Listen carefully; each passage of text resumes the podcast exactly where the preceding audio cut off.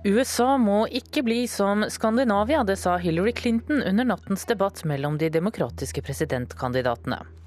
Og det norske fotballandslaget ønsker seg Sverige som motstander i omspillet om en EM-billett. Her er NRK Dagsnytt klokka 6.30 ved Tone Nordahl. Ja, I demokratenes første TV-debatt foran presidentvalget i USA neste år tok Bernie Sanders til orde for at USA bør bli mer som Skandinavia. Sanders forsvarte sitt sosialdemokratiske ståsted, og trakk frem Norge, Sverige og Danmark som gode forbilder, og viste bl.a. til de skandinaviske velferdsstatene. And I think we should look to countries like Denmark, like Sweden and Norway and learn from what they have accomplished for their working people. Denmark is a country that has a population. Denmark is a country that has a population of 5.6 million people. The question is really about electability here. But we are not Denmark. I love Denmark. We are the United States of America, and it's our job to rein in the excesses of capitalism so that it doesn't run amok and doesn't cause the kind of inequities that we're seeing in our economic system. Ja, Det sa Hillary Clinton, som altså avviste Sanders kontant. Hun sa videre at hun er for et kapitalistisk system som må holdes under kontroll. Syrias hær planlegger en bakkeoffensiv sammen med sine allierte Iran og Hizbollah. Planene retter seg mot opprørere i provinsen Aleppo nordvest i Syria, opplyser anonyme tjenestemenn til Reuters. De sier at flere tusen iranske soldater har kommet til landet for å delta i bakkekampene til støtte for president Bashar al-Assad. Det norske fotballandslaget ønsker seg Sverige som motspiller i omspillet om en EM-billett. Etter tapet mot Italia i går møter Norge enten Sverige, Ukraina, Bosnia eller Ungarn. Gårsdagens tap var skuffende og uventet for de norske fotballspillerne. Nei, alle er jo skuffa. Det, er, det er surt. Sier Joshua King, som ikke var forberedt på at Norge må ut i to playoff-kamper i november. Jeg har ikke helt sett på uh, hvem vi kan møte. Uh, fordi jeg var ganske sikker på og håpet på at vi skulle greie å klare å slå Italia, etter at de mangla så mange spillere og at de allerede var videre. Også Sverige må via omspill for å sikre EM-billett, og flere spillere samt den svenske prinsen Carl Philip har uttalt at de ønsker Norge som motstander. Nei, da får vi Sverige, og så får vi se om de kan eh, fortsette å prate som de gjør, om at de vil ha oss som vil ha oss. Så håper de får oss, så får vi se. Ordene kommer fra gårsdagens målskårer Alexander Tetti, og får støtte hos Stefan Johansen og King. Ja, det vil de nok, og det, vi vil også ha dem fremfor, eh, fremfor Danmark, i, spør du meg. Ja, nei, vi får bare ta dem, da. Det hadde vært kult, det. Jeg tror det er motstander som passer oss godt. Ingen grunn til å frykte Zlatan og co.? Nei. Reporter i Roma, Mats Håby. NRK Dagsnytt.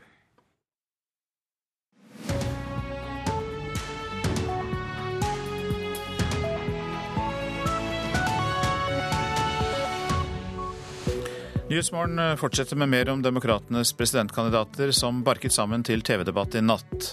Norsk kraftfòrbransje skal bli 100% regnskogvennlig. Vi spør hvordan det blir mulig. Sauebønder må betale mer for å få sine egne lammeskrotter slaktet enn vi betaler for lammekjøtt i butikken.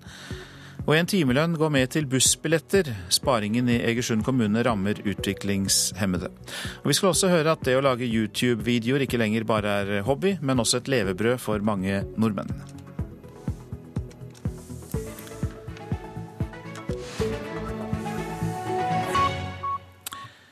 Hillary Clinton og hennes største utfordrer, senator Bernie, Bernie, Sanders, dominerte i den første debatten mellom de fem demokratiske presidentkandidatene i Las Vegas i natt. Sanders måtte forklare hvorfor han kaller seg sosialist, og Clinton han for å ha snudd etter i flere Og Clinton ble beskyldt for å ha snudd kappen etter vinden i flere viktige saker. Du har endret mening når det gjelder ekteskap mellom likekjønnede, innvandring og handelsavtalen for Stillehavsområdet. Sier du hva som helst for å bli valgt, spurte CNNs debattleder Anderson Cooper. Will you say anything to get elected? Well, actually, I have been very consistent over the course of my entire life. Jeg har alltid kjempet for de samme verdiene, men som menneske flest klarer jeg å absorbere ny informasjon. Når det gjelder avtalen som ble inngått i forrige uke, så fører ikke den til at amerikanske arbeidstakere får flere jobber og høyere lønn. Derfor er jeg imot den, svarte Clinton. That I can look into the eyes of any middle class American and say, this will help raise your wages, and I concluded I could not. Halvparten av amerikanerne ville aldri valgt en sosialist som president, og sosialdemokraten Bernie Sanders måtte svare på hva han mener med sosialdemokrati. Jevnere fordeling av rikdom, helse og velferd for alle og mammaperm. Han viste til Skandinavia. Those are some of the principles that I believe in, and I think we should look to countries like Denmark, like Sweden, and Norway and learn from what they have accomplished for their working people. Debattens høydepunkt kom da Hillary Clintons e-poster fra tiden som utenriksminister ble tema. But tonight, I want to talk not about my emails, but about what the American people want from the next president Senator of the United Sanders? Let me States. say this. Let me say, let me say something that may not be great politics, but I think the secretary is right. And that is that the American people are sick and tired of hearing about your damn emails. Thank you. Me too. Me too. You know? Og Her hørte vi også tidligere guvernør Martin O'Malley. Og reporter var Wenche Eriksen. Mer om debatten etter klokka sju her i Nyhetsmorgen. Nå om norsk kraftfòrbransje som skal bli 100% regnskogvennlig. Store deler av norsk landbruk er avhengig av kraftfòr produsert med soya fra utlandet, som er blitt kritisert fordi det bidrar til at regnskog hugges ned. Og I dag signerer norske kraftfôrprodusenter en avtale om ikke å bruke soya fra slik eh, produksjon. Bjarne Rask Thomsen, eh, hjertelig velkommen. Tusen takk. Du er administrerende direktør i Denofa, den største importøren av soyabønner til Norge. Hvorfor en slik avtale? Avtalen er veldig viktig, fordi uh, verdens befolkning er økende. Vi, vi spiser mer mat. Det er økt press på verdens naturressurser, og derfor må vi gjøre alt hva vi kan for å beskytte regnskogen. Så det vi har gjort i Denofa sammen med norske kraftfôrprodusenter, det er å forplikte oss på at den soyaen der går inn i norsk kraftfôr, den, den er ikke, og den må ikke være et bidrag til avskogning. Særlig i Brasil, og det vi gjør her, det er ikke bare å beskytte regnskogen, men vi beskytter også savannaskogen i Brasil, så det, det er noe ganske nytt. Så vi har løftet øh, kravsnivået ganske betydelig med, med dette, og øh, vi, har, vi har sørget for oss, tror jeg, som den første hele kraftfôrbransjen i verden, å stille krav om at soyaen ikke må bidra til avskogning. Hvordan kan du og dine folk vite at det er soyabønder som ikke bidrar til avskoging? Vi gjør det gjennom øh, noen ganske strenge sertifiseringer som vi har jobbet med i mange år, som vi vet fungerer bra, og som er høyt anerkjent av bl.a. WWF. Og så har vi øh, gjennom våre leverandører så er vi til stede i Brasil på bakken for å sørge for at, at disse kravene etterleves og også løpende forbedres. Kan eh, dette ideelle kravet som dere nå setter til dere selv, bidra på verdensbasis? For Norge importerer jo da kun 0,35% av soyabønnene som produseres. Ja, vi tror ved å være til stede i Brasil og ved å ta det ansvaret at uh, vi, kan, vi kan få innflytelse. Og vi vet jo at allerede i dag så er våre strenge krav kjente i Brasil, og, og folk orienterer seg mot det. Så vi tror egentlig vi kan få en, en uforholdsmessig stor innflytelse på den måten man, man dyrker og produserer soya på i Brasil. De som skal kjøpe soyaen fra dere, kan jo kanskje da risikere at det blir dyrere, og at eh, bøndene får dyrere kraftfôr pga. disse kravene? Nei, vi, øh, vi beholder de prisene vi har i dag. Øh, Mye av dette er inneholdt i prisene. Så, så de deler av importen der i dag ikke lever opp til kravene, de må nå leve opp til kravene til de samme priser. Øh, Og jeg syns det er interessant å, nevne at, at vi har jo jobbet på dette i et fullt år nå. Vi øh, ble for et år siden i september invitert av klima- og miljøminister Tine Sundtoft til et møte hvor hun direkte oppfordret bransjen til å signere New York-erklæringen på skog. Og det har vi da tog vi i etterkant tid til å sette oss nøye inn i, og det har selskapene da gjort i etterkant. Og det vi da kan gjøre i dag, det er å levere denne erklæringen til Sundtoft som et synlig bevis på hvordan vi vil gjøre vår del og bidra til å bevare regnskogen i verden. Mange takk skal du ha, administrerende direktør i Denofa, Bjarne Rask Thomsen, for at du kom til eh, Nyhetsmorgen. Velbekomme. Nå om eh, utviklingshemmede i Egersund som må ut med en timelønn daglig for å få transport fram og tilbake til jobb. Det har politikerne bestemt, og deres timelønn er på 30 kroner. Vi, vi holder på med Vi bare delen til andedokken her. Så det er det vi, vi holder på med mest av. Helene Omdal setter sammen andedokke på attføringsbedriften Uninor på Hovland i Egersund. For det får hun 30 kroner i produksjonsbonus per time. Til nå har hun og de 44 andre som jobber der, fått fri transport til og fra jobb. Men nå er det slutt. Jeg lurer egentlig på hva kommunen egentlig tenker med. For det at um, når det meste av den lønna du, du, får her ute, når det meste av den lønna går i regninger ellers, hva, hva, så har du ikke så mye igjen. Kommunestyret i Egersund har enstemmig og uten debatt vedtatt at de ansatte ved Uninor skal betale én timelønn per dag i egenandel for transport for at kommunen skal spare penger. Det utgjør 7000 kroner i året for Helene. Fra før er hun og de andre på attføringsbedriften uføretrygda. De som eh, tjener minst, de må betale for, for kommunens dårligere økonomi. Urettferdig? Jeg syns det litt urettferdig, ja. Elin Marie Omdal er mor til Helene. Daglig må hun kjøre dattera 14 km til og fra bussen. Vi fikk brev i går, og jeg fikk lest i går. Og min første tanke var at da kjører vi den sjøl. Men, men, eh, men, eh, jeg syns det er òg litt sånn urettferdig. Uføretrygd er ikke så store. Det er den ikke. Uh, vi tjener mer, vi som går på arbeid. Egenandelen på transport for utviklingshemma er en del av sparepakken Egersund kommune må gjennom for å ta inn igjen store overskridelser. Det sier gruppeleder for Høyre, Arne Stapnes. Vi fikk en sak som gjaldt transport internt i kommunen, med diverse punkter i, der dette var ett av de punktene. Og Så ble jo den oversendt til kommunestyret, der kommunestyret òg gjorde et enstemmig vedtak Uh, uten debatt. Vil det være mulig å se på en sånn en sak på nytt, om en gjerne har bomt litt? Alle saker kan tas opp igjen på nytt, så, så det gjelder jo denne likevel som alle andre saker. Um, så, så um, det gjelder til det er et nytt vedtak. Da HVPU-reformen ble innført i 1991, påtok Egersund kommune seg ansvaret for gratis transport til og fra attføringsbedrifter. Uninor oppsto som en følge av denne reformen, sier Uninor-direktør Solveig Ege Tengesdal. Kommunen har i tidligere tider tatt på seg det. Men jeg oppfatter sånn sett eh, at kommunen er i en økonomisk situasjon nå som tilsier at òg utviklingshemma må betale for transporttjenester til og fra jobb. Ege Tengesdal, som snart blir fylkesordfører for KrF, erklærte seg inhabil da saken ble vedtatt i Egersund kommunestyre.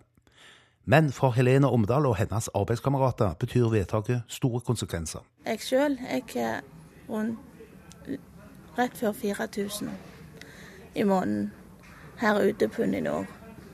Og det meste av, av, av lønna mi går i regninger, så jeg har ikke mye å rutte med. Det sa Helene Omdal, reporter Øystein Ellingsen i Egersund altså.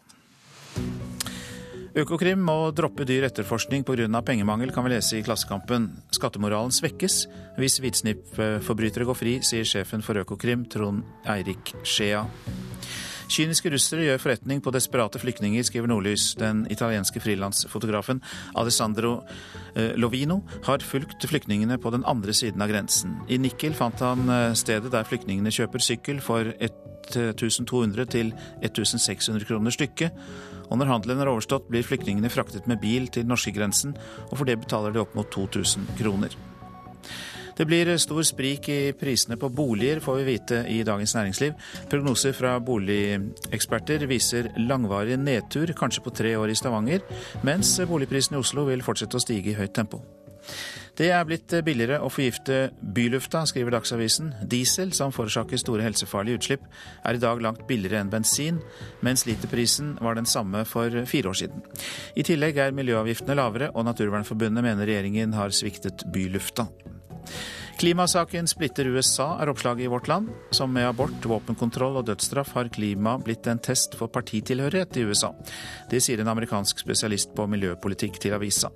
Republikanerne avviser menneskeskapt oppvarming av kloden, mens demokratene vil handle nå. Det er vanskelig å være motivert, sier styreleder i Norsvin til Nasjonen. Geir Heggheim krever full kompensasjon fra staten ved utbrudd av den farlige MRSA-bakterien hos svinebesetninger. Flere partier på Stortinget lover å ta opp denne saken. Anbefaler billig bussbillett utenom rushet, skriver Fedrelandsvennen. Forskere anbefaler billigere buss midt på dagen og på kvelden for å få flere til å la privatbilen stå. Play-uff er VGs ordspill på sin sin førsteside etter fotballtapet mot Italia i går, men avisa legger til at det slett ikke er over. Samme tone finner vi i Dagbladet. Opp med hodet, gutter, nå tar vi EM. Mulige motstandere i playoff-kamper er Sverige, Ungarn, Bosnia eller Ukraina.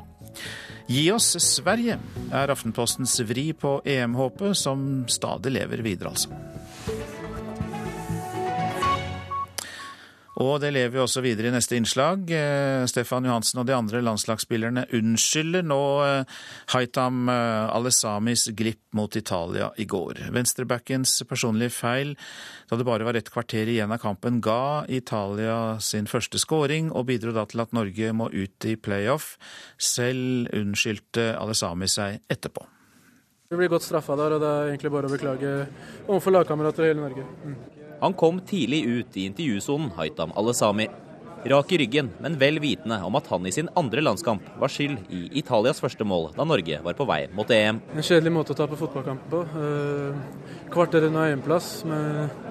Sånn er det, man blir godt straffa av et av verdens beste landslag. Men samtlige av de NRK snakket med i går kveld, tok IFK Göteborg-bekken i forsvar etter tapet for Italia. Nei, herregud, er, sånn er fotballen. Det er opp- og nedturer. Altså, Haitam er en fantastisk god spiller, og det vet han. Det, det der kan skje alle, og det, det, skjedde dessverre med han i dag. Så det, det var synd, men uh, han kommer til å reise og bare bli bedre og bedre. Nå må Norge ut i to playoff-kamper i november, uten at alle sami ønsker å gjemme seg av den grunn. Så det, for, for vår del så bare handler det om, om samhold, liksom. Stå sammen. Uh, og som lag og som nasjon så, så, er jeg sikker på at vi kommer til å klare dette her bra. Altså.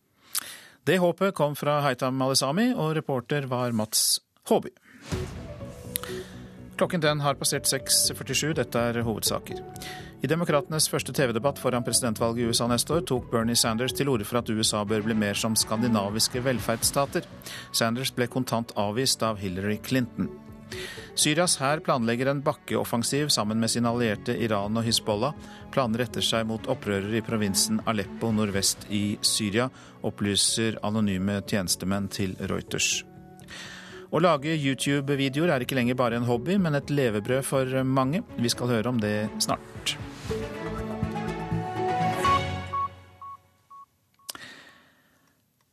Men først om sauebonde Geir Tore Olsen i Nerskogen i Alta, som sender sine høstlam til slakteriet, og kan da bestille kjøtt tilbake ferdig slaktet. Men det viser seg at det er billigere for han å gå på butikken og kjøpe lammekjøtt der, enn å kjøpe tilbake sitt eget kjøtt. Det er jo kampanjer hele tida på lammelår og fårikålkjøtt. Det, det, det, gis jo nesten vekk. Det er jo det lammelår til 59-69, og det er jo det beste på, på, på, på lammet. Det, det, gis bort til en billig penge. Det sier sauebonde Geir Tore Olsen i Nerskogen i Alta. Med sånne priser i butikkene ønsker ikke Olsen å bestille sine egne lam tilbake fra slakteriet. Det kan vi jo gjøre, men eh, vi tar ikke noe retur i eget kjøtt. Eh, jeg kjøper på butikkene det som etter behov. Sauebonden kan betale for slaktinga og transporten, men det vil ikke bli billigere enn kjøttet som selges i kampanjene på høsten. Jeg må jo betale for det uansett, ja. Men jeg må jo betale mer enn eh, enn det hvis jeg går på, på mm, og handler. Mm. Så det er dyrere for deg å ta ditt eget lam tilbake fra slakteriet enn å handle kjøtt på butikken? Ja, det er det. Er ikke det merkelig? Det er, det er rart politikk, ja. ja. Finn Avdem er fagsjef i Nortura. Han kan fortelle at det fortsatt er mange sauebønder i landet som tar sine egne lam i retur. Da handler det ofte om stolthet over egen produksjon. Det er nokså mange som ønsker sine egne lam i retur, ja. Det er det. Så sjøl om det kanskje at du kan få det like billig i butikken, så ønsker vel mange å ha sine egne lam da, når de skal servere et godt lammemåltid. Og fortelle at dette her er produsert på gården min. Men jeg har ikke noe statistikk som viser om retur til lam har gått opp og ned. Men jeg har litt inntrykk av at det er ganske mange lam som eh, går som returlam, ja. Hva tenker du om det kjøttet i butikkene, da, som, som, til den prisen? Det må, jo, det må jo svi en eller annen plass? det må jo svi ja. om det er butikken som, som selger til spotpris, eller, eller de har får vel, Det er jo kampanjer på, på, på, den, på den rette varen som er inn nå på høsten. Det er jo lammelår. Jo da, det er noen som svir. Og det er butikkene som bruker penger for å selge kjøtt. Men det er ikke uten grunn, mener fagsjefen i Nortura. Nei, det er nå fordi at eh, butikkjedene ser at lammekjøtt er et produkt som da de kan eh, lokke sine kunder inn i butikken med. Så det bør egentlig sauebonden være litt stolt over, at den lager et så bra produkt. At butikkene bruker penger på å, å selge lammekjøtt. Så det er, noe, det er rett og slett at de kjøper lammekjøttet til en høyere pris fra oss, og selger med tap i butikken sin for å lage et godt tilbud da, som trekker folk. Nortura er veldig fornøyd med at butikkene skaper mye blest om lammekjøttet på høsten. Det genererer et godt salg, og det er det både bonde og Nortura lever av. Det at butikkene lager en bra pris på lam, genererer selvsagt et høyt salg. Og Det er vi avhengig av for at vi kunne for å holde en god markedssituasjon som gjør at vi kan heve prisen til sauebonden. Vi har hevet prisen til sauebonden ganske betydelig de siste årene, oss i Nortura. Utsalgsprisen nå har, har gått opp fra oss. Og fra 2007 fram til 2014 så har prisen gått opp med 17 kroner og 50 øre, faktisk. Så for sauebonden har prisen gått opp. Reporter var Alf Harald Martinsen. YouTube-bransjen er i ferd med å bli profesjonalisert. Lenge var det ingen norske medieselskaper for YouTube-produsenter, men i dag har tre ferske nettverk på kort tid knyttet til seg over 350 norske YouTube-kanaler. Og de fleste av dem er nye talenter, riktignok, men enkelte har gjort YouTube-videoer til sitt levebrød.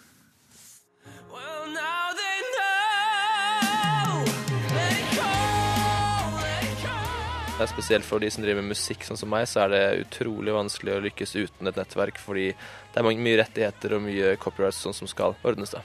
Per Fredrik Aasli med artistnavnet Pelle K runda nylig én million abonnenter på YouTube. Fans som vil se videoer der vokalisten synger heavy metal-versjoner av kjente sanger.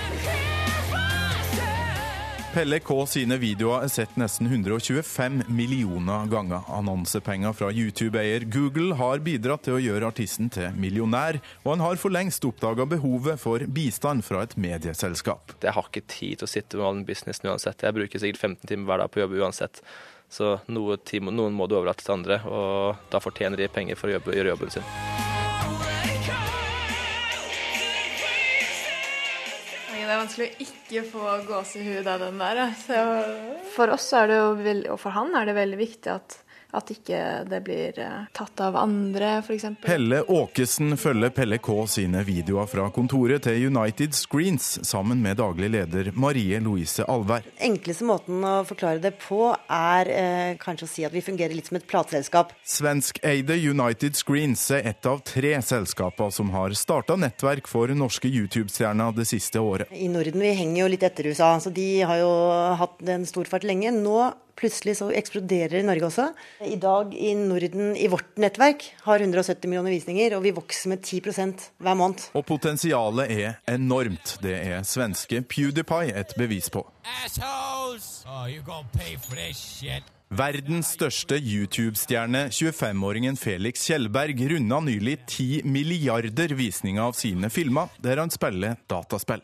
Just fucking great! Flere vil kunne leve av å være YouTuber. Vi har bare sett starten eh, på YouTube-Norge med de stjernene vi har i dag. Hei sann, jeg er Joakim Haraldsen, og velkommen til Uketube. Seksåring i leksjon til sin mor. Ja, Joakim gjør det programmet her. I tillegg så er han jo en av eh, Norges største youtubere. Nils Ketil Andresen er daglig leder i Norges største YouTube-nettverk Nordic Screens. Han mener en mer profesjonell bransje har bidratt til å gjøre norsk innhold større enn det engelskspråklige. Nå begynner de nasjonale største kanalene å ta over de internasjonale blir større. PewDiePie, som er, vidt, er verdens største, eh, han har jo også vært størst i Norge. Det er han ikke lenger. Abonner hvis du ikke har gjort det, så ses vi igjen om en uke. Og du kan høre mer om de norske youtuberne i Kulturnytt klokka 8.03. Reporter Torkil Thorsvik. Lars Wilks kommer til Skien i dag. Politiet øker sikkerheten når den omstridte svenske kunstneren kommer til Norge, for Wilks har vært et terrormål siden han tegnet profeten Mohammed som en hund i 2007. Wilk skal holde foredrag om en folkefiende, sier arrangør av Ibsen-konferansen i Skien, Hilde Guri Bolin. Hva er det som gjør stykket aktuelt? Hvilke ytringer er det som er farlig i dag? Hva er det vi ikke ønsker å høre eller forholde oss til? Dette er spørsmål den svenske kunstneren Lars Wilks skal forsøke å gi svar på under den internasjonale Ibsen-konferansen i Skien, sier arrangør Hilde Guri Bolin. Han er invitert for å snakke om Ibsens En folkefiende, fordi han selv er ansett for å være en folkefiende, sier hun. Ja, når vi skulle diskutere hvem er det som er dagens folkefiende, så kom det jo mange navn opp der, men Lars Wilks var jo en av de. Og han blir jo da mange ansett for å være en folkefiende. Og han er en kunstner som jobber da nettopp i det feltet, som vi da har tenkt kan si noe om dette. Kunstneren Lars Wilks har vært et terrormål helt siden han tegna profeten Mohammed som en hund i 2007. Terrornettverket Al Qaida har utlova en dusør på 100 000 dollar til den som klarer å ta livet av Wilks. Og flere har prøvd. Trolig var Wilks målet for terroren i København tidligere i år, der én mann ble drept og tre politimenn ble såra. I 2011 ble tre menn anholdt og senere tiltalt for å ha planlagt å drepe Wilks. I 2010 ble hjemmet hans utsatt for et brannattentat, og flere mennesker ble ved flere anledninger samme år anholdt for å ville drepe kunstneren. Likevel er ikke arrangøren bekymra for at Ibsen-konferansen kan bli et terrormål. Mitt hovedfokus er ikke at Lars Wilks er et terrormål. Jeg mener at det er en bit som politiet må ta seg av. Eh, jeg er eh, litt spent og litt nervøs og jeg gleder meg veldig. Men det er, eh, når det er sagt, den innholdsmessige delen av konferansen som jeg forholder meg til. Politistasjonssjef i Grenland og sikkerhetsansvarlig for arrangementet, Annie Sandersen, sier at de har en økt beredskap som følge av at Lars Wilks er til stede under konferansen. Politiet har gjort forebyggende tiltak knytta til eh, konferansen, og vi har selvfølgelig et økt sikkerhetsfokus. Og vår plan er at arrangementet det, at det kan gjennomføres på en planlagt måte og på en trygg måte. Hvordan vil publikum merke at det er en eh, styrking av beredskapen rundt eh, denne konferansen? Først og fremst at politiet vil være til stede, og at vi vil eh, gjennomføre en adgangskontroll sammen med arrangøren. Reporter Solfrid Leirgull Øvrebø. Værvarselet. Fjell i Sør-Norge, lettskyet pent vær. Lokalt eh, lave tåkeskyer først på dagen. Østland og Telemark, lokalt tåke først på dagen. Også der ellers lettskyet pent vær. Agder, Rogaland og Hordaland ser vi samlet, og det blir for det meste pent vær. Vi går til Sogn og Fjordane. På kysten skyet eller delvis skyet oppholdsvær, ellers til dels pent vær. Fra ettermiddag sørvest stiv kuling nær Stad. I kveld sørlig liten kuling på kysten. Sørvest sterk kuling omkring Stad i kveld. Møre og Romsdal. På kysten skyet eller delvis skyet oppholdsvær, ellers stort sett pent vær. Fra i formiddag sørvest liten kuling, fra utpå ettermiddagen stiv kuling i Møre og Romsdal, men mest på kysten av Sunnmøre. Trøndelag sørvest periodevis liten kuling, enkelte regnbyger i ytre og nordlige strøk, ellers opphold og perioder med sol. Lokalt tåke i indre strøk sør for Trondheimsfjorden.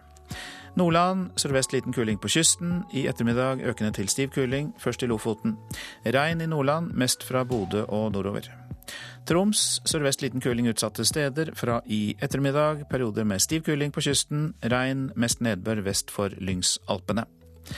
Finnmark i vestlige kyststrøk sørvest liten kuling. I kveld også i østlige områder. Perioder med regn blir det i Finnmark. På vidda blir det stort sett opphold, riktignok.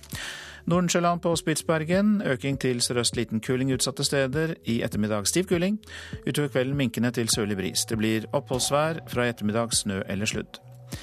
Temperaturer klokka fem. Svalbard minus fem. Kirkenes pluss fem. Vardø åtte. Alta fire. Tromsø sju. Bodø og Brønnøysund ni. Trondheim fem. Molde og Bergen fire. Stavanger fem. Kristiansand to. Gardermoen minus tre. Lillehammer null. Røros minus to. Og Oslo-Blindern null grader.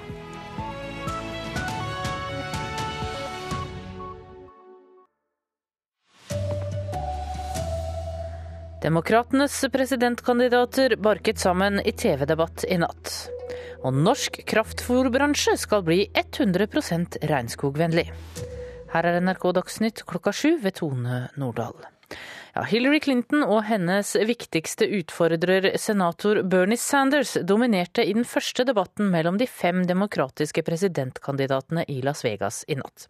Sanders måtte forklare hvorfor han kaller seg en sosialist, mens Clinton ble beskyldt for å ha snudd kappen etter vinden i flere viktige saker.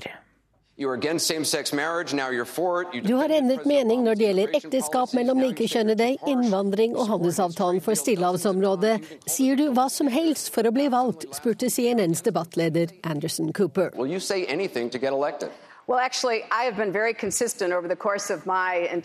Jeg har alltid kjempet for de samme verdiene, men som menneske flest klarer jeg å absorbere ny informasjon.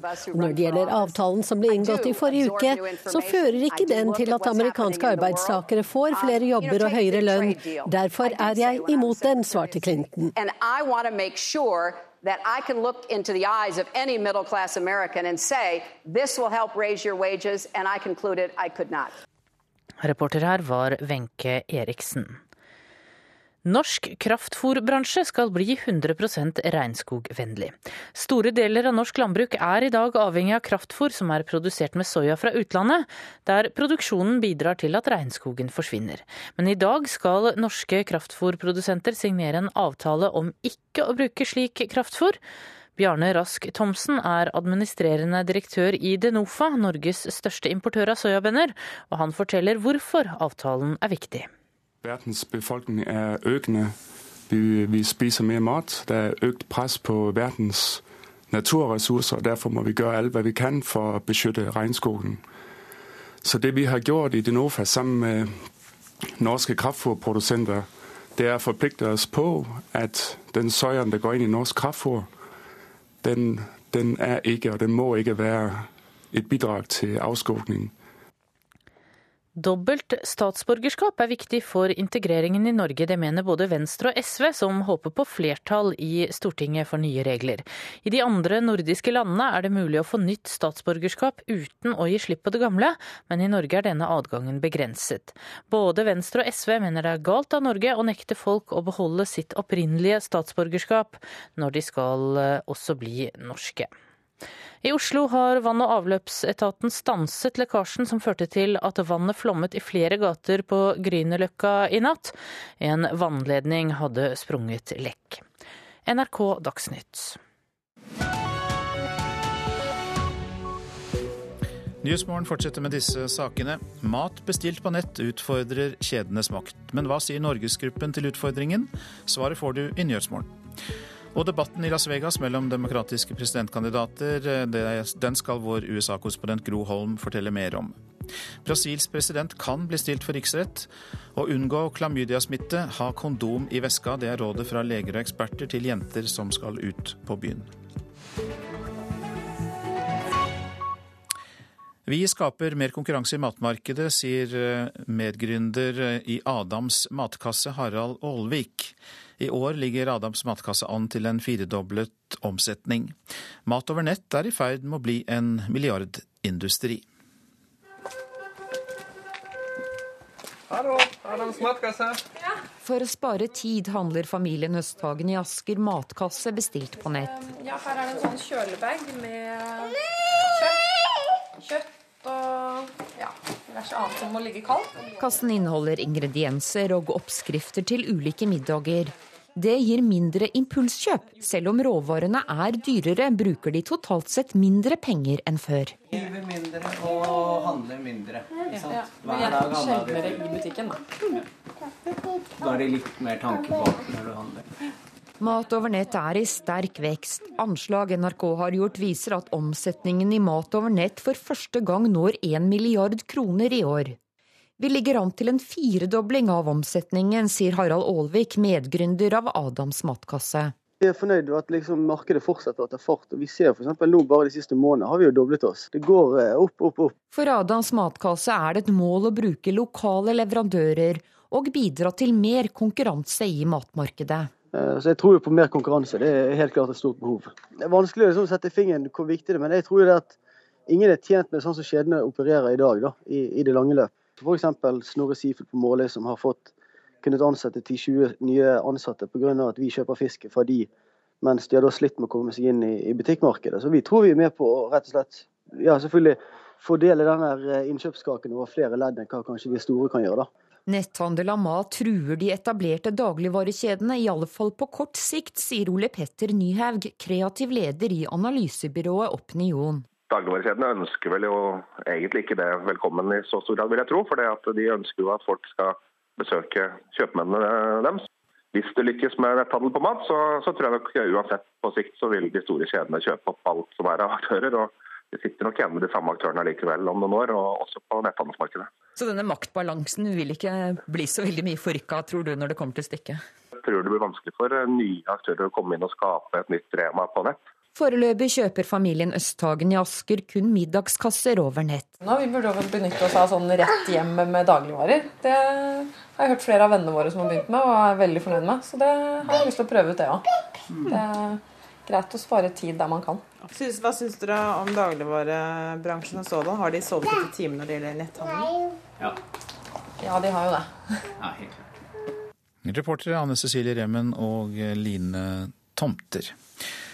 Truls Fjelstad, velkommen til oss. Takk, takk. Du er markedsdirektør i Norgesgruppen. og Det siste vi hørte her, var jo at dere kanskje har sovet i timen og tillatt nye aktører å ta seg av netthandel. Hva tror du om det?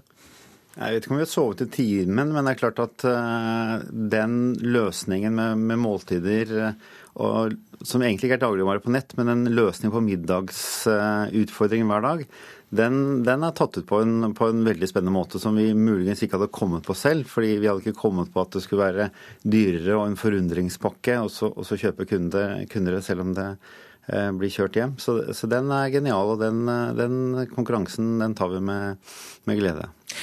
Når de har jobbet seg opp litt, eh, kunne det også hende at eh, det skjer som ble sagt her, at dere kjøper dem opp? Nei, i, hvert fall ikke vi. Det er ikke aktuelt for oss. Eh, det tror jeg blir altfor dyrt, eh, og, og, det er ikke den måten vi liker å jobbe på. Vi må ta utfordringen og gjøre dette bedre i butikk, slik at kundene får, får, eh, får løst det eller, eller kjører hjem. Vi har ikke noen konkrete planer om det, men vi har middagsposen i Spar, som har vært, vært et, et, svar på det. Har fungert ganske bra, men kundene liker det bedre når de blir spurt enn når de kommer i butikk og, og da kan velge hele, hele spekteret selv. Så det, så det, har ikke tatt helt av, men, men, det er et type svar på det. Eh, at du bare tar med deg en pose som er ferdig middag med oppskrift og sånt. Men tror du at det er mulig å få eh, flere til å gå tilbake til butikk? Altså de som allerede har begynt med å bruke netthandel, tror du de kan eh, fristes av dere til å komme tilbake? ja, definitivt. Altså eh, flertallet er jo i våre butikker og, og våre konkurrenters butikker. Dette dette er, en ganske liten andel, og vi må huske det at når du trenger å spare penger, så er mat en av de tingene folk velger å gjøre på veldig raskt. Eh, og matkassene er eh, Vi har kjøpt en del av innholdet. Det, det er 50% dyrere. Ja, du får det sendt hjem, men, men det er åpenbart at eh, Og så er nordmenn veldig vanedyr, slik at de går litt ut og inn av denne ordningen. Så, så vi må ta den utfordringen, og vi må, vi må bli litt flinkere på middag. Vi, vi, blir flinkere på middag, både sunne middager og raske middager og, og, og, og si, festmiddager i, i, vår produktutvikling, og vi blir flinkere på lokalmat. Men, men, men her er det et land som, vi, som, vi, eh, som, treffer en nerve i markedet. Men det er nok eh, også mye på tid, da. Eh, som, som er, må være vårt fokus. Ja, Du nevnte lokalmat, og det ble også nevnt her i tillegg til lokalmat at her kan det være produsenter som har slitt med å komme seg inn hos dere f.eks., men som kommer seg inn via disse nettbutikkene. Hva tror du om mulighetene til å få et eh, bredere mm, varespekter gjennom eh, netthandel? Det tror jeg ikke på mat. Eh, våre butikker er, har et kjempestort altså Lavpris Kiwi har fort vekk 5000-6000 varer. Våre supermarkeder har opptil 20 000 varelinjer. Det klarer man ikke på nett eh, med mindre man får et kjempevolum en gang i, i framtiden. Ja, men lokale, men lokale, leverandører kanskje, som da kan levere til den kommunen du er eller den regionen? Ja, Hvis du har en liten leverandør som leverer x antall middager, eh, så er det klart man kan hente det som lokale bonden. Mm. Men vi har over 900 små lokale leverandører, vi også. og jobber også helt lokalt og har leverandører som leverer til kun én og to og tre butikker. Så det er ikke, er ikke en stor utfordring. Det er en myte. Det er de store, sterke leverandørene som opplever at det er veldig hardt å komme inn hos oss. Så ble det hevdet i innslaget at Eh, det kan Eller tidligere i forrige uke så hadde vi eh, noe beslektet eh, som tema her, der det ble sagt at det kan over tid bli billigere å kjøpe mat på nett, slik det til dels har blitt i Storbritannia. Hva tror du om det? Det er, eh, det er, nesten umulig. Eh, hvis det skal bli billigere og eh, at man i de ulike leddene skal tjene mer penger, vi har, eller tjene penger og overleve på sikt. Vi har jobbet i 40 år med å effektivisere daglig, dagligvaren, altså grossist, leveranse og samle ting i butikk. Før så var det over disk. Eh, nå plukker kundene veldig effektivt selv. Kundene er innom syv minutter og så plukker dette selv. Og så skal man gå tilbake til at man plukker for kunden og kjører hjem. Det, det, altså det er helt umulig. Det må være en betalingsvillighet og betaling for å spare tid. Og den skal vi ta. Men at det blir billigere, det er eh, totalt utelukka. Det trodde ikke du på. Truls Fjelstad, takk skal du ha. Du er markedsdirektør i Norgesgruppen.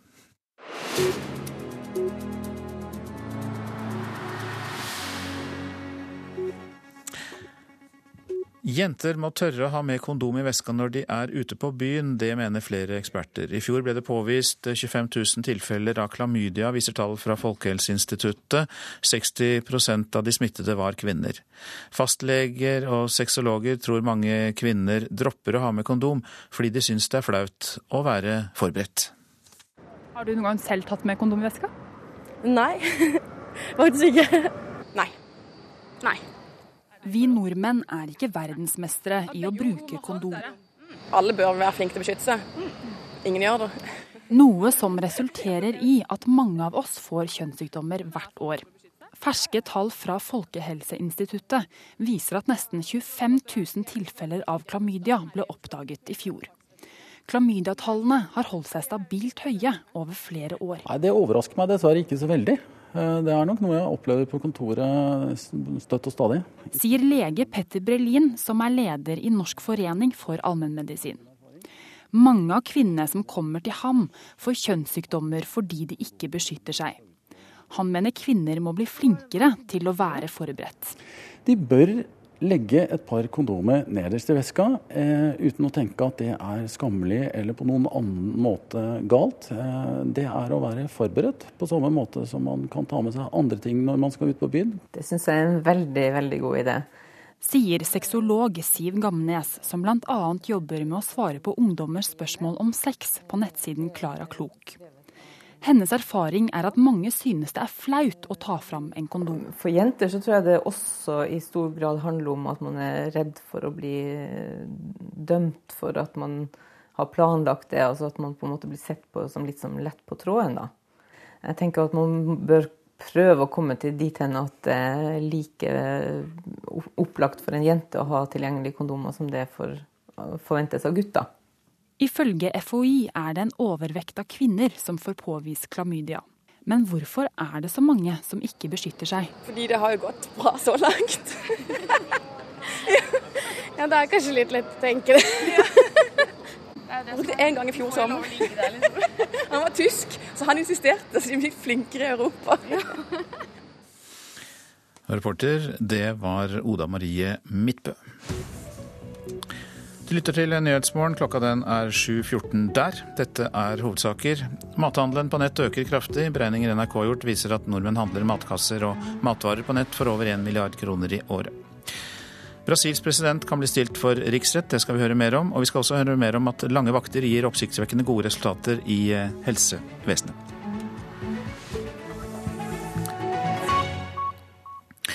I USA trer altså demokratene fram i rampelyset etter at republikanerne og Donald Trump da i særdeleshet har dominert mediene i flere måneder. Demokratenes første TV-debatt foran valget neste år fra Las Vegas. Der møttes Hillary Clinton og Bernie Sanders og tre andre som har meldt seg på i nominasjonskampen.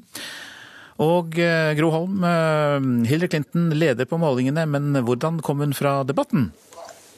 Ja, Det er litt interessant, for her spriker vurderingene litt. De profesjonelle kommentatorene i de store avisene de uh, sier at Hillary vant debatten, eller legger vekt på at hun har vist en helt annen erfaring, tyngde osv. enn de andre. Mens uh, i den uh, meningsmålingen som ble gjort spontant av CNN og Facebook i fellesskap, så sier 75% av dem som valgte å svare at Bernie Sanders var den som gjorde best figur. Så her kommer det litt an på øynene som ser, og kanskje alderen på øynene som ser. Hillary Clinton ble konfrontert med at hun har skiftet standpunkt i flere saker, bl.a. i frihandelsavtalen som nå er inngått med asiatiske land. Hvordan taklet hun spørsmålet om vingling? Ja, altså Hun var helt tydelig forberedt på det. Og Hun sa bl.a. at det er jo menneskelig å endre mening og kunne ta inn ny informasjon. og at Hun hadde opprinnelig vært for avtalen, hun var jo en av de som var pådrivere som utenriksminister. Men at hun så da hun så det ferdige resultatet, så mente hun at det ikke var i eh, amerikanske arbeideres interesser. De ville ikke tjene amerikanske eh, jobber, og heller ikke når det gjaldt lønninger, så ville denne avtalen være en fordel for USA.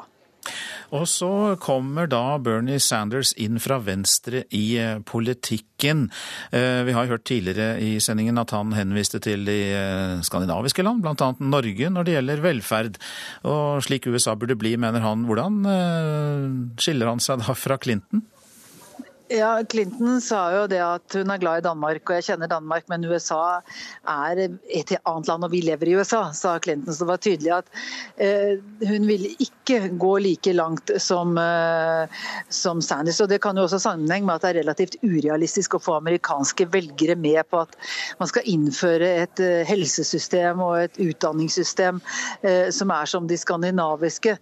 Eh, man har jo masse mellommenn, forsikringsselskaper osv. Så, videre, så det vil jo da i tillegg bety at masse offentlige utgifter som velgerne nok ikke er forberedt på. og De vet heller ikke nok om våre land og hvordan våre velferdssystemer er bygget opp. Så eh, forskjellen der eh, kom klart fram på den måten at Hillary Hillary forsvarte USA også der, og det gjorde hun for øvrig også i spørsmålet om sosialisme og kapitalisme. Hun forsvarte den amerikanske kapitalismen ved å vise til da at det finnes mange små firmaer og bedriftseiere, og dette er på en måte, det er slik vi er bygget opp, dette er våre liv.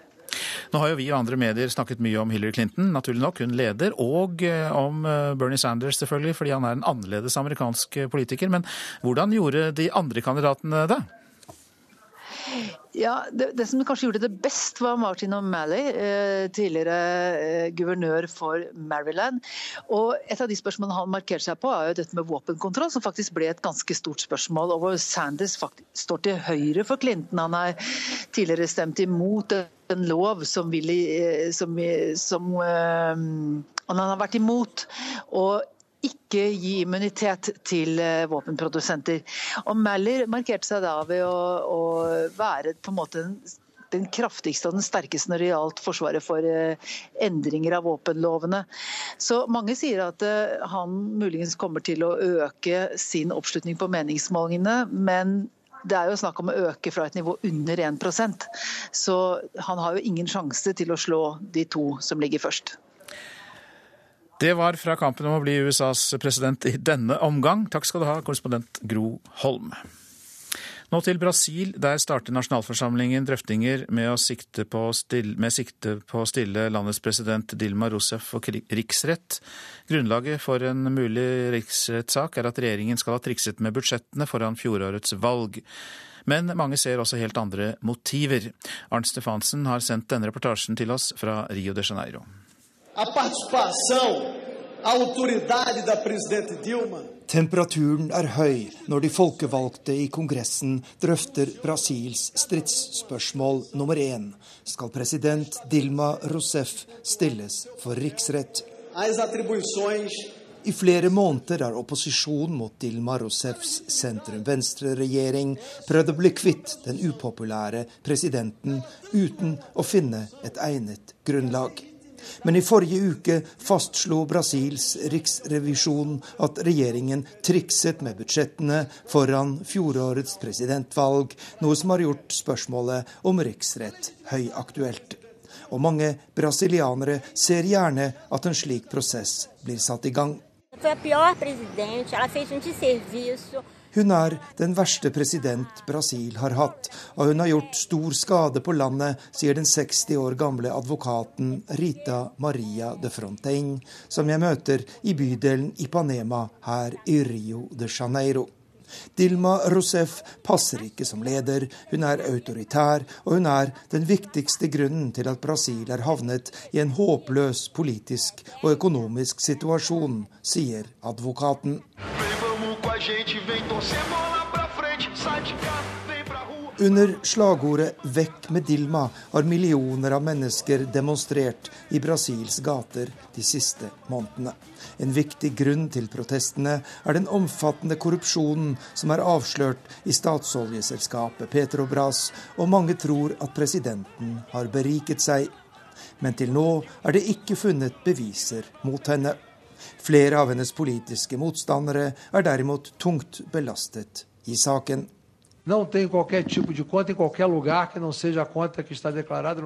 Kongressens leder Eduardo Cunha benekter at han har mer enn 40 millioner kroner på hemmelige konti i Sveits.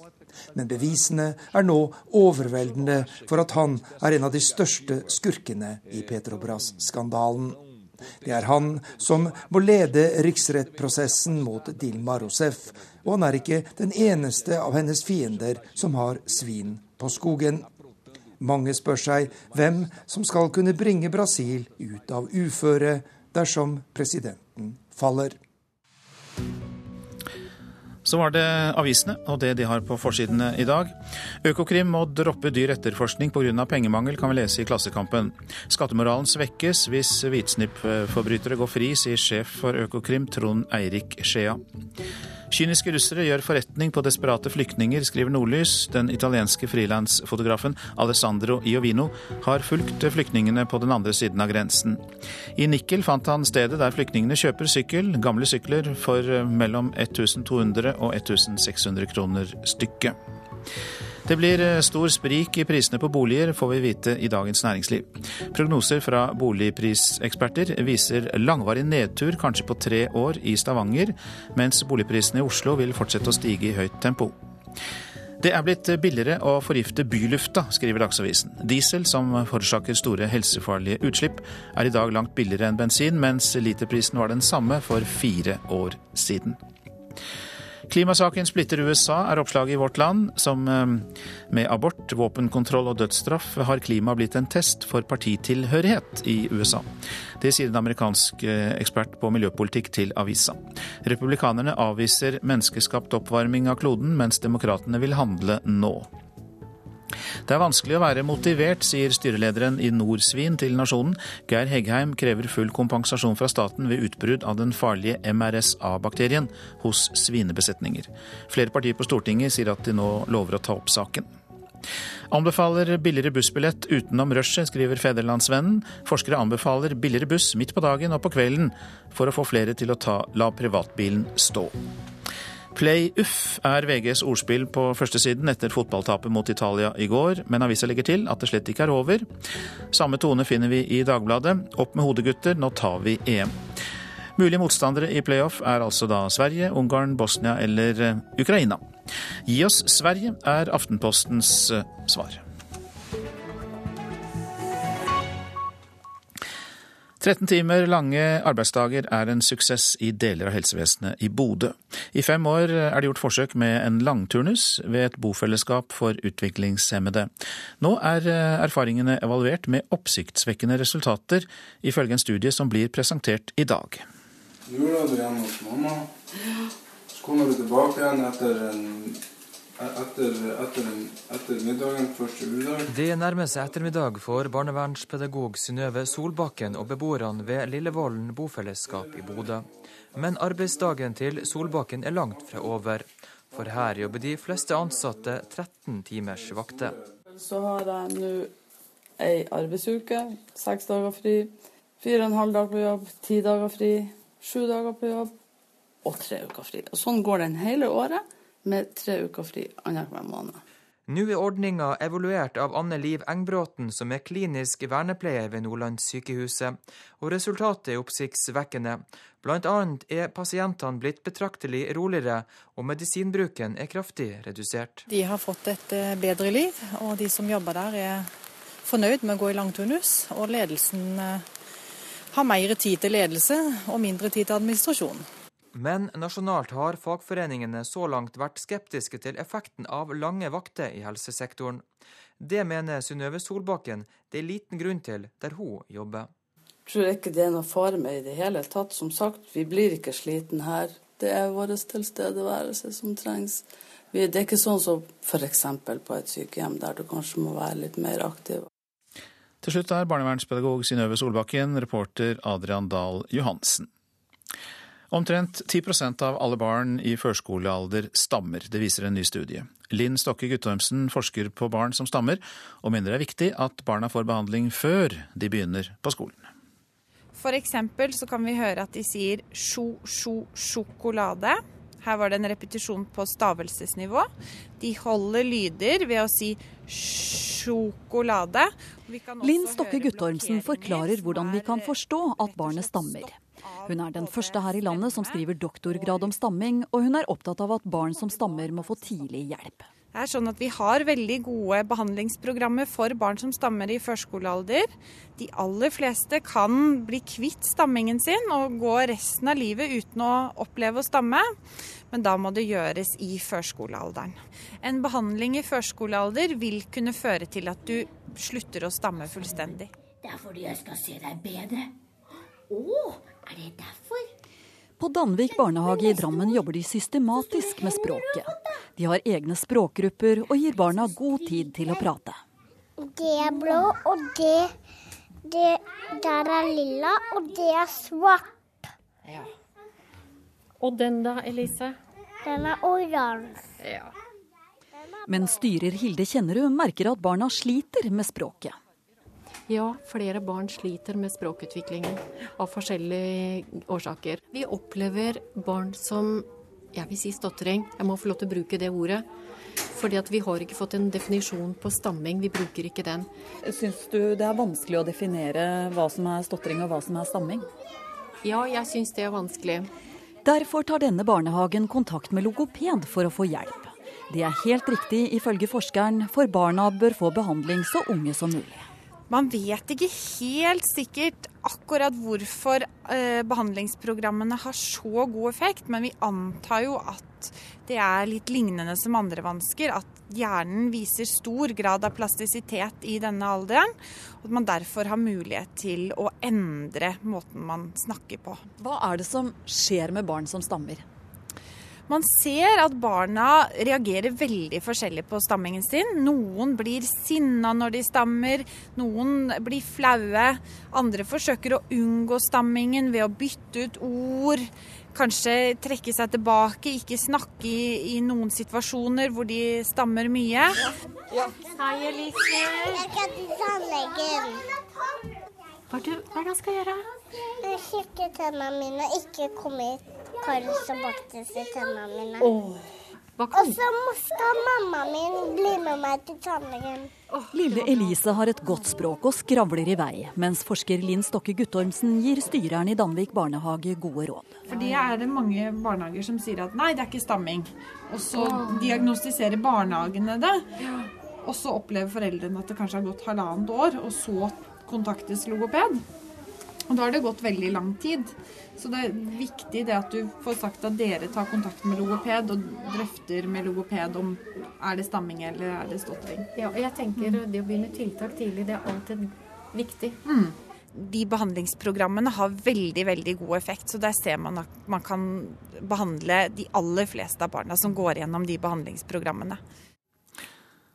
Eh, Linn Stokke Guttormsen fra Institutt for spesialpedagogikk, og reporter var Karoline Bekkelund Hauge. Prosent i dag, Arild Svalbjørg. Her i studio, Øystein Heggen. Landsmøtesesongen er over i Storbritannia. Vår korrespondent oppsummerer Labours og de konservatives landsmøter etter Dagsnytt. Og i Politisk kvarter er flyktninger og asylsøkere nok en gang tema.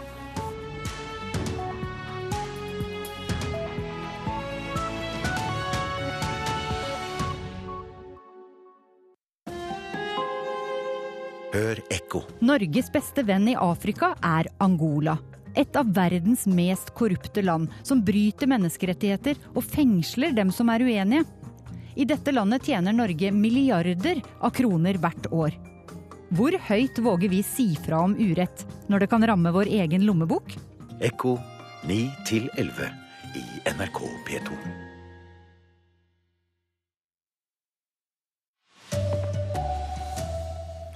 USA må ikke bli som Skandinavia, det sa Hillary Clinton under nattens debatt mellom de demokratiske presidentkandidatene.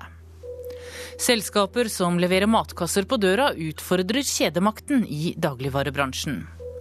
Og jenter må tørre å ha kondom i veska når de går på byen, mener sexolog. God morgen, her er NRK Dagsnytt klokka 7.30 ved Tone Nordahl.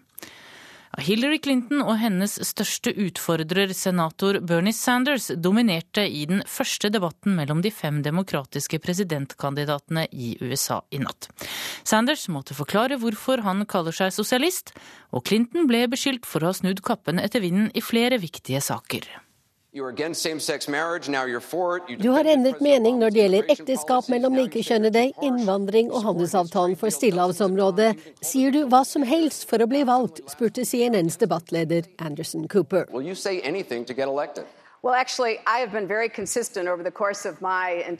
Jeg har alltid kjempet for de samme verdiene, men som menneske flest klarer jeg å absorbere ny informasjon. Og når det gjelder avtalen som ble inngått i forrige uke, så fører ikke den til at amerikanske arbeidstakere får flere jobber og høyere lønn. Derfor er jeg imot den, svarte Clinton that I can look into the eyes of any middle class American and say this will help raise your wages, and I concluded I could not. Halvparten av amerikanerne ville aldri valgt en sosialist som president, og sosialdemokraten Bernie Sanders måtte svare på hva han mener med sosialdemokrati. Jevnere fordeling av rikdom, helse og velferd for alle og mammaperm. Han viste til Skandinavia. Those are some of the principles that I believe in, and I think we should look to countries like Denmark, like Sweden and Norway Debattens høydepunkt kom da Hillary Clintons e-poster fra tiden som utenriksminister ble tema. But tonight, I want to talk not about my emails, but about what the American people want from the next president Senator of the United Sanders. States. Let me say this. Let me say, let me say something that may not be great politics, but I think the secretary is right. And that is that the American people are sick and tired of hearing about your damn emails. Thank you. Me too. Me too. you know? Reporter her var Wenche Eriksen. USA-korrespondent Gro Holm, du er med oss nå. Dette var den første debatten blant de demokratiske kandidatene. Hvem kom best ut i natt? Det avhenger litt av øynene som ser. Eh, de som eh, svarte på Facebook eh, og CNN og som så debatten, sa at 75, altså 75 sa at det var Sanders som kom best ut. Men de fleste kommentatorer og i de store avisene og de store mediene mener nok at Hillary viste at hun har en bredere erfaring, lengre erfaring, at hun opptrådte mer statskvinneaktig enn kanskje noen andre i debatten. Ja, som vi hørte så handlet det mye om Hillary Clinton og Bernie Sanders. Hvordan gjorde de andre kandidatene det? Ja, eh, Tidligere Maryland-guvernør Martin O'Malley eh, han gjorde det ganske bra. og Han markerte seg klart på spørsmålet om våpenlover, som, hvor han har vært en av de aller strengeste eh, når det gjelder å innføre eh, reguleringer i, i, sitt, eh, i, sin delstat. Eh, ellers så ble, forble de to andre ganske anonyme, Jim Webb og Lincoln Chaffee. De, de, klarte aldri å nå helt opp i konkurransen med Sanders og Clinton. Presidentvalget er neste år. Når får vi den første testen i et primærvalg? Ja, Det blir i begynnelsen av februar. og eh, Det er jo spennende da, fordi at eh, Bernie Sanders han eh, leder nå på meningsmålingene i New Hampshire og ligger veldig godt an i Iowa, som er to av de første statene. Så, så det blir veldig spennende å se hvordan det går. Men de fleste tror nok at Hillary Clinton, som leder stort på de nasjonale målingene, kommer til å stikke av med seieren til slutt. Takk skal du ha, USA-korrespondent Gro Holm. Mathandel på nett øker kraftig her i landet. Beregninger NRK har gjort viser at nordmenn handler matkasser og matvarer på nett for over 1 milliard kroner i år. Adams matkasse er et av selskapene som merker økt interesse. Hallo, Adams matkasse. For å spare tid handler familien Høsthagen i Asker matkasse bestilt på nett. Ja, her er det en sånn kjølebag med kjøtt, kjøtt og ja, diverse annet som må ligge kaldt. Kassen inneholder ingredienser og oppskrifter til ulike middager. Det gir mindre impulskjøp. Selv om råvarene er dyrere, bruker de totalt sett mindre penger enn før. Jeg hiver mindre og handler mindre. Ja. Mat over nett er i sterk vekst. Anslag NRK har gjort viser at omsetningen i mat over nett for første gang når 1 milliard kroner i år. Vi ligger an til en firedobling av omsetningen, sier Harald Aalvik, medgründer av Adams matkasse. Vi er fornøyd med at liksom markedet fortsetter å ta fart. og Vi ser f.eks. nå bare de siste månedene har vi jo doblet oss. Det går eh, opp, opp, opp. For Adams matkasse er det et mål å bruke lokale leverandører og bidra til mer konkurranse i matmarkedet.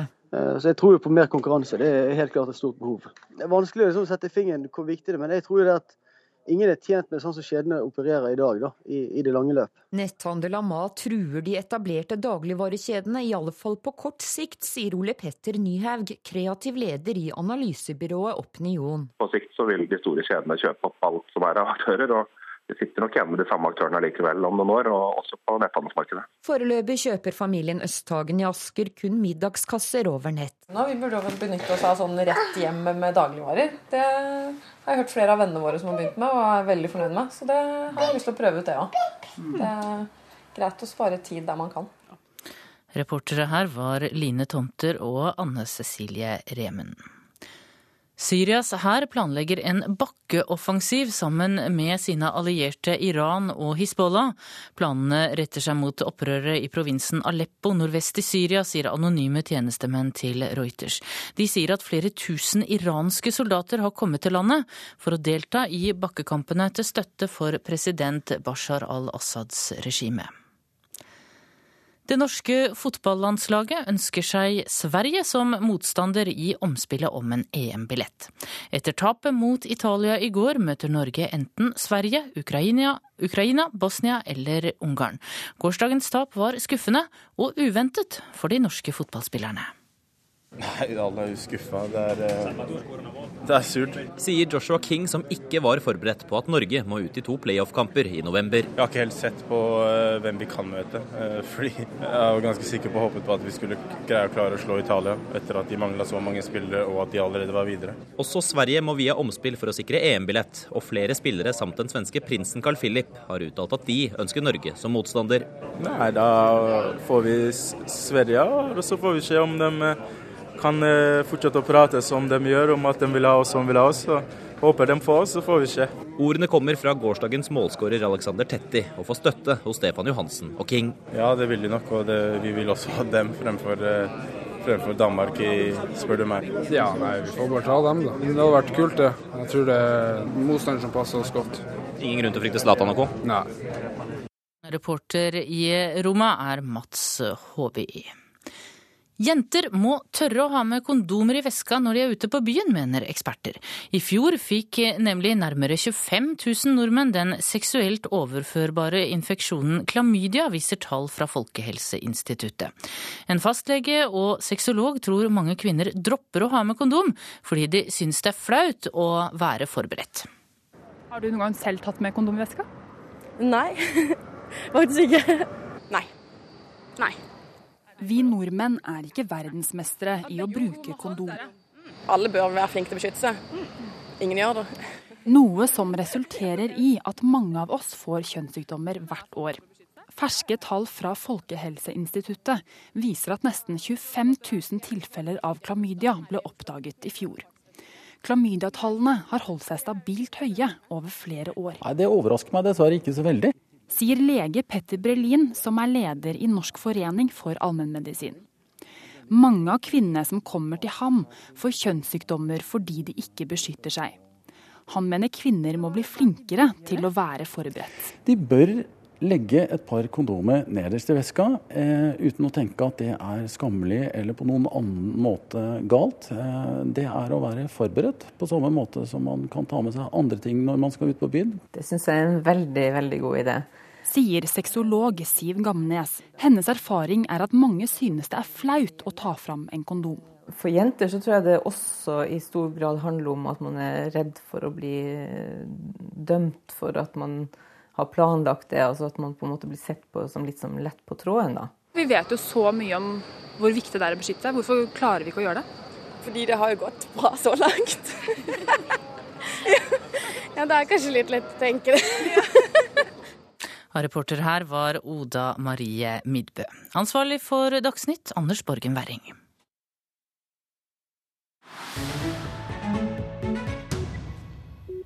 Nyhetsmorgen tar veien over til de britiske øyer. Indre uro har preget de politiske landsmøtene i Storbritannia i det siste, og ikke minst hos Labour og de konservative. Korrespondent Espen Aas oppsummerer landsmøtesesongen. Bølgene skyller innover de milelange strendene i badebyen Brighton på sørøstkysten av England. Et forelsket par drar hverandre nærmere i den litt skarpe, men likevel milde høstvinden. Noen hundre meter bak dem ligger Brighton konferansesenter, hvor aktivister smilende gir ut løpesedler og aviser til partimedlemmer i Labour, som passerer en liten håndfull vakter som sjekker adgangskortene på vei inn i landsmøtesalen. En omdiskutert ny leder skal snart holde sin første landsmøtetale. Det er spenning i luften. Åtte dager senere, i den gamle industribyen Manchester nordvest i England, pisker regnet ned over bistre aktivister, mens partimedlemmene står i det som fremstår som en uendelig kø gjennom sikkerhetskontrollen inn til landsmøtesalen.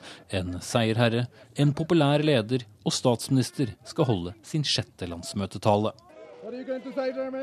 Labour må finne igjen fotfestet sitt. Den 66 år gamle lederen med sitt karakteristiske skjegg ankommer, kledd i et antrekk som få minutter senere latterliggjøres av politiske motstandere fordi det matchet eksakt klesdrakten til humorkarakteren Mr. Bean.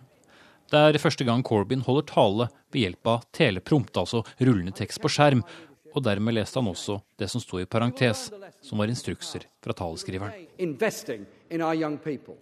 And, strong message here, not cutting student numbers. Please welcome the Prime Minister.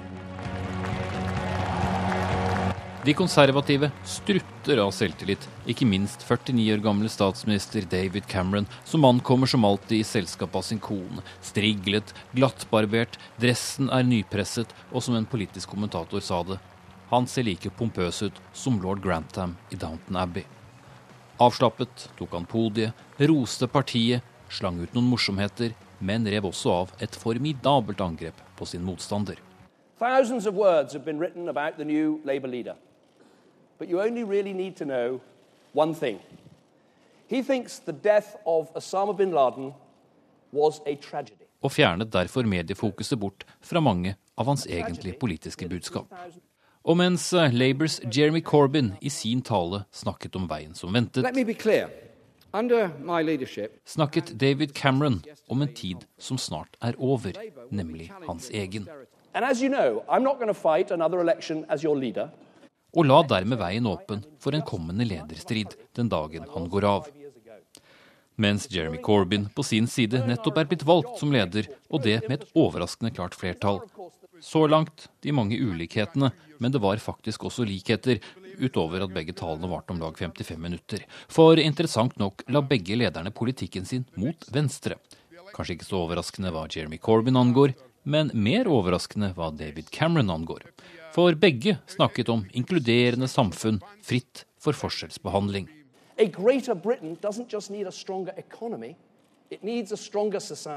De snakket om bedre kår for de som var dårligst stilt, men selvsagt med vidt forskjellig medisin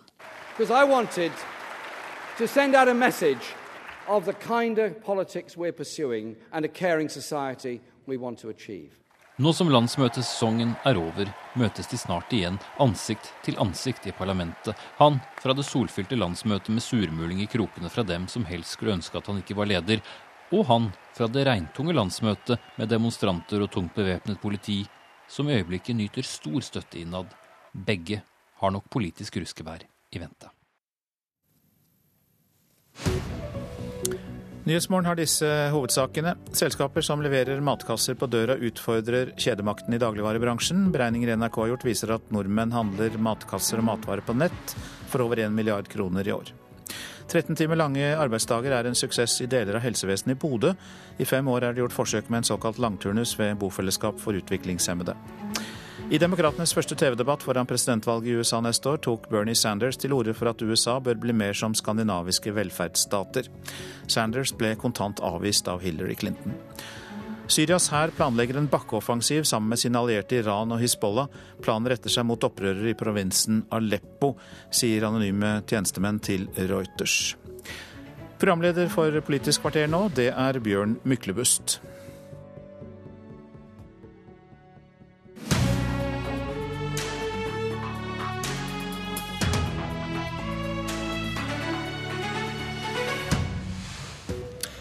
Syria-avtalen om 8000 flyktninger har fungert som ren norgesreklame. Det er grunnen til at det kommer så mange asylsøkere nå. Det sier FrPs Mazyar Keshvari. Han møter SV-leder Audun Lysbakken i Politisk kvarter. For i går inviterte Erna Solberg til politisk dugnad om flyktninger. I dag har jeg invitert de to partiene som sto utenfor da Stortinget ble enige sist. Mazyar Keshvari, stortingsrepresentant for Fremskrittspartiet. Hva mener du med at Syria-avtalen er årsaken til asylstrømmen vi ser nå? Altså, Først og fremst er jo vårt utgangspunkt at når eh, kriser, katastrofer og kriger inntreffer, så må vi ha systemer og bruke våre tid og ressurser på å hjelpe flest mulig medmennesker som trenger vår hjelp. Eh, og I forbindelse med den avtalen så var jo vi klare på at vi ønsker å bruke ressursene der vi kan hjelpe flest mulig. Eh, situasjonen er at 60 millioner mennesker er på flukt i dagens verden. Og da må vi konsentrere oss Eh, om nærområdene. Det er der det er desidert eh, flest eh, flyktninger. Og asylsystemet i seg sjøl har aldri vært tiltenkt massemigrasjon og masseflukt. Asylsystemet var opprettet for at enkeltindivider skulle søke om beskyttelse mot forfølgelse. Eh, og Da egner det seg veldig dårlig til den situasjonen vi har i dagens verden. og Det er i den forbindelse vi sa at vi ønsker å konsentrere hjelpen i eh, nærområdene. Eh, og, etter dette vedtaket så har jo da alt endret seg. For vi må huske på at i 2014 Men hva mener du med at denne Syria-avtalen er årsaken til den asylstrømmingen vi ser til Norge? Jo, det skal jeg forklare nå. Eh, dette feltet er veldig, veldig sensitivt for signaler man gir. I løpet av 2014 så hadde Europa en økning på 44 eh, med asylsøkere. Norge hadde i løpet av 2014 en nedgang på litt over 4% fordi vi hadde innført en rekke innstramninger, og signalet var at i Norge så var det eh, betydelig mer strengt og man utøvde alle regler og konvensjoner, også det som gikk på uttransporteringer osv. Etter at debatten, og spesielt Arbeiderpartiet sin landsmøte, og debatten dreide seg om hvor mange man bare skal ta imot, så ga det et inntrykk at Norge har nå eh, myknet opp. Og, og, og, da er det jo bare å komme. Det samme har vi sett eh, skjedd i Finland. Finland er et land som knapt nok har tatt imot asylsøkere og kvoteflyktninger i det hele tatt, etter at presidenten var ute og bl.a. sa at han ville åpne opp sitt hjem og, og, andre den type signaler, så har det kommet 11 000 mennesker til Finland, som historisk har hatt veldig lavt antall. SV-leder Audun Lysbakken, hva sier du til Keshvaris analyse? At den det er nok mest er indremedisin i Frp, men uh, mer enn å ha noe med virkeligheten å gjøre. Jeg tror alle kan se at Europa står i en ekstraordinær situasjon. Keshvaris egen statsminister eh, beskrev det ganske godt i Stortinget i går. Men ta argumentene hans på alvor. Han sier at Syria-avtalen og debatten rundt det fører til at vi nå ser den eh, asyltilstrømmingen til Norge? Det som er avslørt nå, det er at Fremskrittspartiet sin retorikk i årevis om at det først og fremst er norsk asylpolitikk, de innstramminger eller liberaliseringer som gjøres i Norge, som avgjør hvor mange som kommer, er feil. Og det ser du veldig godt hvis du ser på nabolandene våre. Finland og Danmark er land som uh, har ført en flyktningpolitikk som uh, Fremskrittspartiet har beundret i mange år. De har også store antall asylsøkere som kommer nå. Finland, som Keshvari Safari nevnte sjøl. 11 000 i september. Danmark omtrent like mange som Norge i uh, august. Det har ikke noe med Syria-avtalen å gjøre? nei, selvfølgelig har det ikke noe med Syria-avtalen å gjøre. Det har noe med at Europa er i en ekstraordinær situasjon. Så kunne kanskje Norge deltatt i enda større grad i det spillet vi ser nå, der noen europeiske land prøver å skyve hele ansvaret over på Sverige og Tyskland. Det ville være uanstendig og uansvarlig. Og det, det grunnleggende spørsmålet Keshvari må få, er jo ja vel, så mange flyktninger kommer til Europa. Hva mener du da, hvis du egentlig vil sette flyktningkonvensjonen ut av spill, at vi skal gjøre med dem? Skal de returneres tilbake til de eh, overfylte nærområdene? Skal de returneres til land som Syria? Det er jo ikke mulig.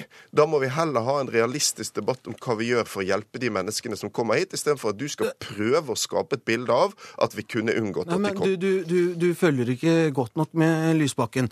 Jeg skal svare på det spørsmålet. Men det er ikke noe tvil om at det signaler og det Fremskrittspartiet har sagt i alle år, er helt rett. For hvordan ellers forklarer du en nedgang på over 4% i 2014? Det var jo 650 000 asylsøkere som kom til Europa. Og så er det riktig at det er ikke bare hva Norge alene gjør, men når Tyskland fører en helt hodeløs eh, politikk på dette området og tar imot halv million til 800 000 mennesker, så gjør det noe med det. Når Finland endrer retorikk, finsk, eh, finske presidenten endrer retorikken sin, så fører det til endringer. Men hva skal vi gjøre? Jo, vi skal hjelpe mennesker, men da må vi begynne å håndheve lover og regler. Vi må være mye klarere på Schengens yttergrense. Vi er nødt til å registrere mennesker som kommer slik Bulgaria har forsøkt i hele sommer, og være mer opptatt av Dublin-forordningen. For på den måten dette må være en europeisk eh, Altså, Europa må sammen finne en løsning her. Her kan man ikke overlate alt til landene som har den største belastningen. Men hvis vi da registrerer alle mennesker, og det ikke er sånn at folk bare eh, kommer inn i Europa og kan bevege seg fritt, da kan det også være lettere å fordele de som er reelle flyktninger, etter kapasiteten de ulike landene har. Slik at det ikke er bare Italia, Hellas eh, og andre landene som er yttergrensa av Schengen, skal ta hele belastningen. Men da må vi begynne å håndheve lover og regler fullt ut, og ikke være sånn at folk, eh, folk eh, setter liv og helse på spill for å komme seg fra Frankrike til Storbritannia, fra, Men fra Danmark du, til Sverige. Du skaper jo et inntrykk av at Norge nå tar imot en uforholdsmessig stor andel av flyktninger som kommer Det til, gjør vi eh, kommer til Europa. Det kom, det kom, det kom, antall, eh, la meg snakke ferdig nå. Det kom 4900 asylsøkere til Norge i september. Sant? Vi tar imot en mikroskopisk del av den flyktningstrømmen som nå er i Midtøsten og i Europa. Det er hovedbildet. Og det er jo ikke sånn at denne flyktningstrømmen er utløst av at huset til statsministeren i Finland kanskje er ledig i januar. Det er utløst av at vi, at vi har en sjelden stor ansamling av humanitære kriser i verden. Vi har flere store kriser på en gang. Den aller verste av de er Syriakrigen. Og den viktige grunnen til at det kommer så mange syriske flyktninger inn i Europa nå, er jo nettopp at det ikke er utsikt til en løsning på krigen, og at kapasiteten i nærområdene, som du snakker så mye om, er sprengt. Det er jo det som er realiteten. Sant? og, og, og, eh, når, du, når du lager denne andre forklaringen, så antyder du egentlig at disse menneskene ikke har gode grunner til å flykte, og det er feil. Keshvari, hvis du da mener, som vi hører deg si nå, at denne Syria-avtalen om 8000 kvoteflyktninger, den var uheldig, den fører til, at, til norgesreklame som gjør at folk kommer hit. Hva syns du da om den dugnaden Erna Solberg inviterer til, der vi må ta imot titusenvis? Hva slags signal sender det? Eh, Erna Solberg sin redegjørelse var veldig god, og jeg er enig i alt hun sa. Jeg fikk ikke med meg bare den med dugnaden. Det er helt riktig. Henger er det sammen å- med det du sier Ja, om ja, reklame, gjør- hvis hun sier at vi skal ta imot alle disse som jo, kommer hit? Jo, men da, da, jeg, var, jeg var i salen og hørte alt uh, hva statsministeren sa. Hun sa også viktigheten av å jobbe med en felles europeisk tilnærming til dette. Hun var også klar på hva vi må gjøre når det kommer til registreringer, til Dublin-avtalen til forsterking av grensene eh, osv. Eh, hele utfordringen på dette feltet her er at det, er helt riktig som Audun Lysbakken sier, det er en veldig liten del av verdens 60 millioner flyktninger som kommer, og vi frykter at det er ikke de svakeste, de sykeste, de uten penger og ressurser som klarer den reisen. Og når det kommer til eh, Syria-flyktninger, så er det veldig liten andel av de som har vært av de registrerte asylsøkerne. I Norge så er det kun 30% Men det er ikke riktig at det, Norge tar en liten andel. Hvis det kommer like mange Altså, Anslagene er jo endret hele tida. Man anslår at det skal komme rundt 30 000 asylsøkere i år og 30 000 neste år. Altså det er 60 000 på så kort tid. du hørte, du hørte også Erna Solberg i går. Du hører Keshvari i dag. Eh, sier de det samme? Det gjør de jo helt åpenbart ikke, og det er jo en del av den sirkelargumentasjonen Frp fører. De vil altså at vi på en og samme tid skal tro at de står for en helt annen flyktningpolitikk enn resten av Norge, har en politikk som kunne hindret at disse flyktningene kom. Og så skal vi samtidig tro på at de gjør sitt aller, aller beste for å ta imot alle disse menneskene, at de gjør sitt aller, aller beste for å stå bak den politikken Erna Solberg la frem i går, som er noe annet. Og det viser at noen har et stort troverdighetsproblem. Enten er det Keshvari, som sitter og sier ting som er motsatt av det Frp gjør i regjering, regjering. Eller så er det Erna Solberg som sier at regjeringen gjør en ting, men i virkeligheten har her... halvparten av statsrådene som vil noe helt annet. For øvrig er det feil det, det... feil det du sa om antallet syriske flyktninger. Syria er den største gruppen som kom til Norge i september. Over halvparten av de som søkte om asyl i Norge i september. Og, og, jeg snakker om hele året, jeg snakker ikke bare om uh, september. Det, det, er ikke riktig i det hele tatt. Når vi har en situasjon der det kommer mennesker, så er det klart at alle partier gjør sitt ytterste, uh, og regjeringen gjør sitt ytterste for at det skal gå best mulig mulig. Men man må jo ha to tanker i hodet samtidig. Eh, den siste uken, forrige uke, så kom det 2000 eh, asylsøkere til Norge. Hvis det skal komme like mange hver uke, så er det snakk om 104 000 asylsøkere på ett år. Og med familiegjenforeninger så snakker vi kanskje om 200 000-300 000 mennesker. Det kan ikke fortsette. Så anslagene i går var for lave, som Erna Solberg sa? Nei, altså vi vet ikke. Men jeg bare sier at hvis det kommer like mange som uke 41, som var altså 2000, så er det snakk om 104 000 asylsøkere i løpet av ett år. Og det, det må, jo være, være, det må jo være lov å ha to tanker i hodet hodet samtidig. Vi skal selvfølgelig tilrettelegge, men denne dugnaden å finne skoler og nedlagte militærleirer og alt det der, det går bare inntil et visst punkt. Eh, etter det så kommer det til å bli store utfordringer. Og det verste er at de ressursene Norge og andre europeiske land bruker på asylordninger. For det er mange som vil få avslag, mange som må returneres. Du, Alle de ressursene kunne vi brukt på mennesker som har reelt hjelp. Du driver et dobbeltspill, for realiteten er at det var først etter at debatten om å få flere flyktninger til Norge kom opp for fullt, at det ble et stort politisk trykk for å hjelpe mer i nærområdene. Hvis ikke det hadde vært fordi det kom mange flyktninger til Europa, så hadde Syriakrigen fortsatt ikke vært på Europas dagsorden.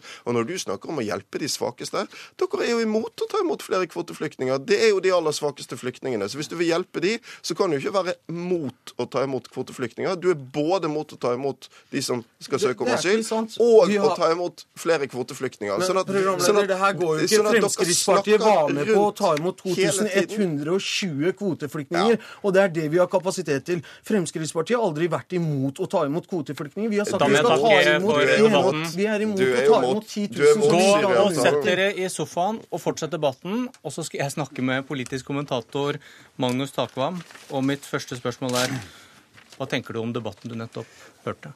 Nei, vi, eh, vi, har jo hørt ytterpunktene i den norske asyl- og flyktningdebatten i, eh, i, Norge. Og eh, det, det, var et godt eksempel på det. Det er klart at det, Keshvari gjør, er jo å skal vi si, komme med en prinsipiell kritikk av hvordan asylinstituttet praktiseres i dag. At det ikke er det riktige instrumentet til å løse den enorme krisen som oppstår etter krigen i Syria. Men det er en annen debatt enn den eh, som er aktuell her og nå, eh, med den eh, asyltilstrømmingen vi har, og, og de eh, problemene som den fører til. Frp er det partiet som er mest kritisk til innvandring, men sitter også i regjering. og Hva slags utfordringer byr det på? Jeg tror på helt kort sikt så kan man greie å håndtere det. Men problemene vil komme dersom eh, asyltilstrømmingen fortsetter å øke også i 2016 og 2017. Og problemene med integrering og uh, virkelig store tilpasningsproblemer oppstår. Uh, men på helt kort sikt så tror jeg også Frp vil kunne på en måte uh, gå inn i, i, i temaet uten å få de skal vi si, mest akutte problemene. Men på lang sikt kan, kan dette by på åpenbare konflikter. Ja, for de sto, de sto utenfor dette Syria-vedtaket vi snakket om. Kan de stille seg på utsiden av denne dugnaden Solberg snakker om, og fortsette i regjering? De kan jo det eh, inntil en viss eh, grad, og, det, men det er avhengig av at Frp også delvis får gjennomslag for en del av det man argumenterer med, nemlig å Eh, skal vi si, redusere noe av ytelsene til asylsøkerne som kommer i mottak osv. Og, så og også etter hvert å innføre det, det, man kaller innstrammingstiltak, som såkalt skal være signalpolitikk, og prøve å dempe asyltilstrømmingen til Norge. Men hvis det ikke virker, så vil eh, problemet eh, selvfølgelig bli akutt for dem. Til slutt, Hva tenker du om den finansieringen som de borgerlige partiene nå skal forsøke å bli enige om? Den, eh, jeg tror fem til åtte milliarder ekstra i budsjettet til neste år vil kunne håndteres delvis med å øke bruken av oljepenger, noe redusert bistand, men det blir konflikt, særlig med KrF, om den siste måten å finansiere det på via bistand. Politisk kvarter er slutt. Jeg heter Bjørn Myklebust.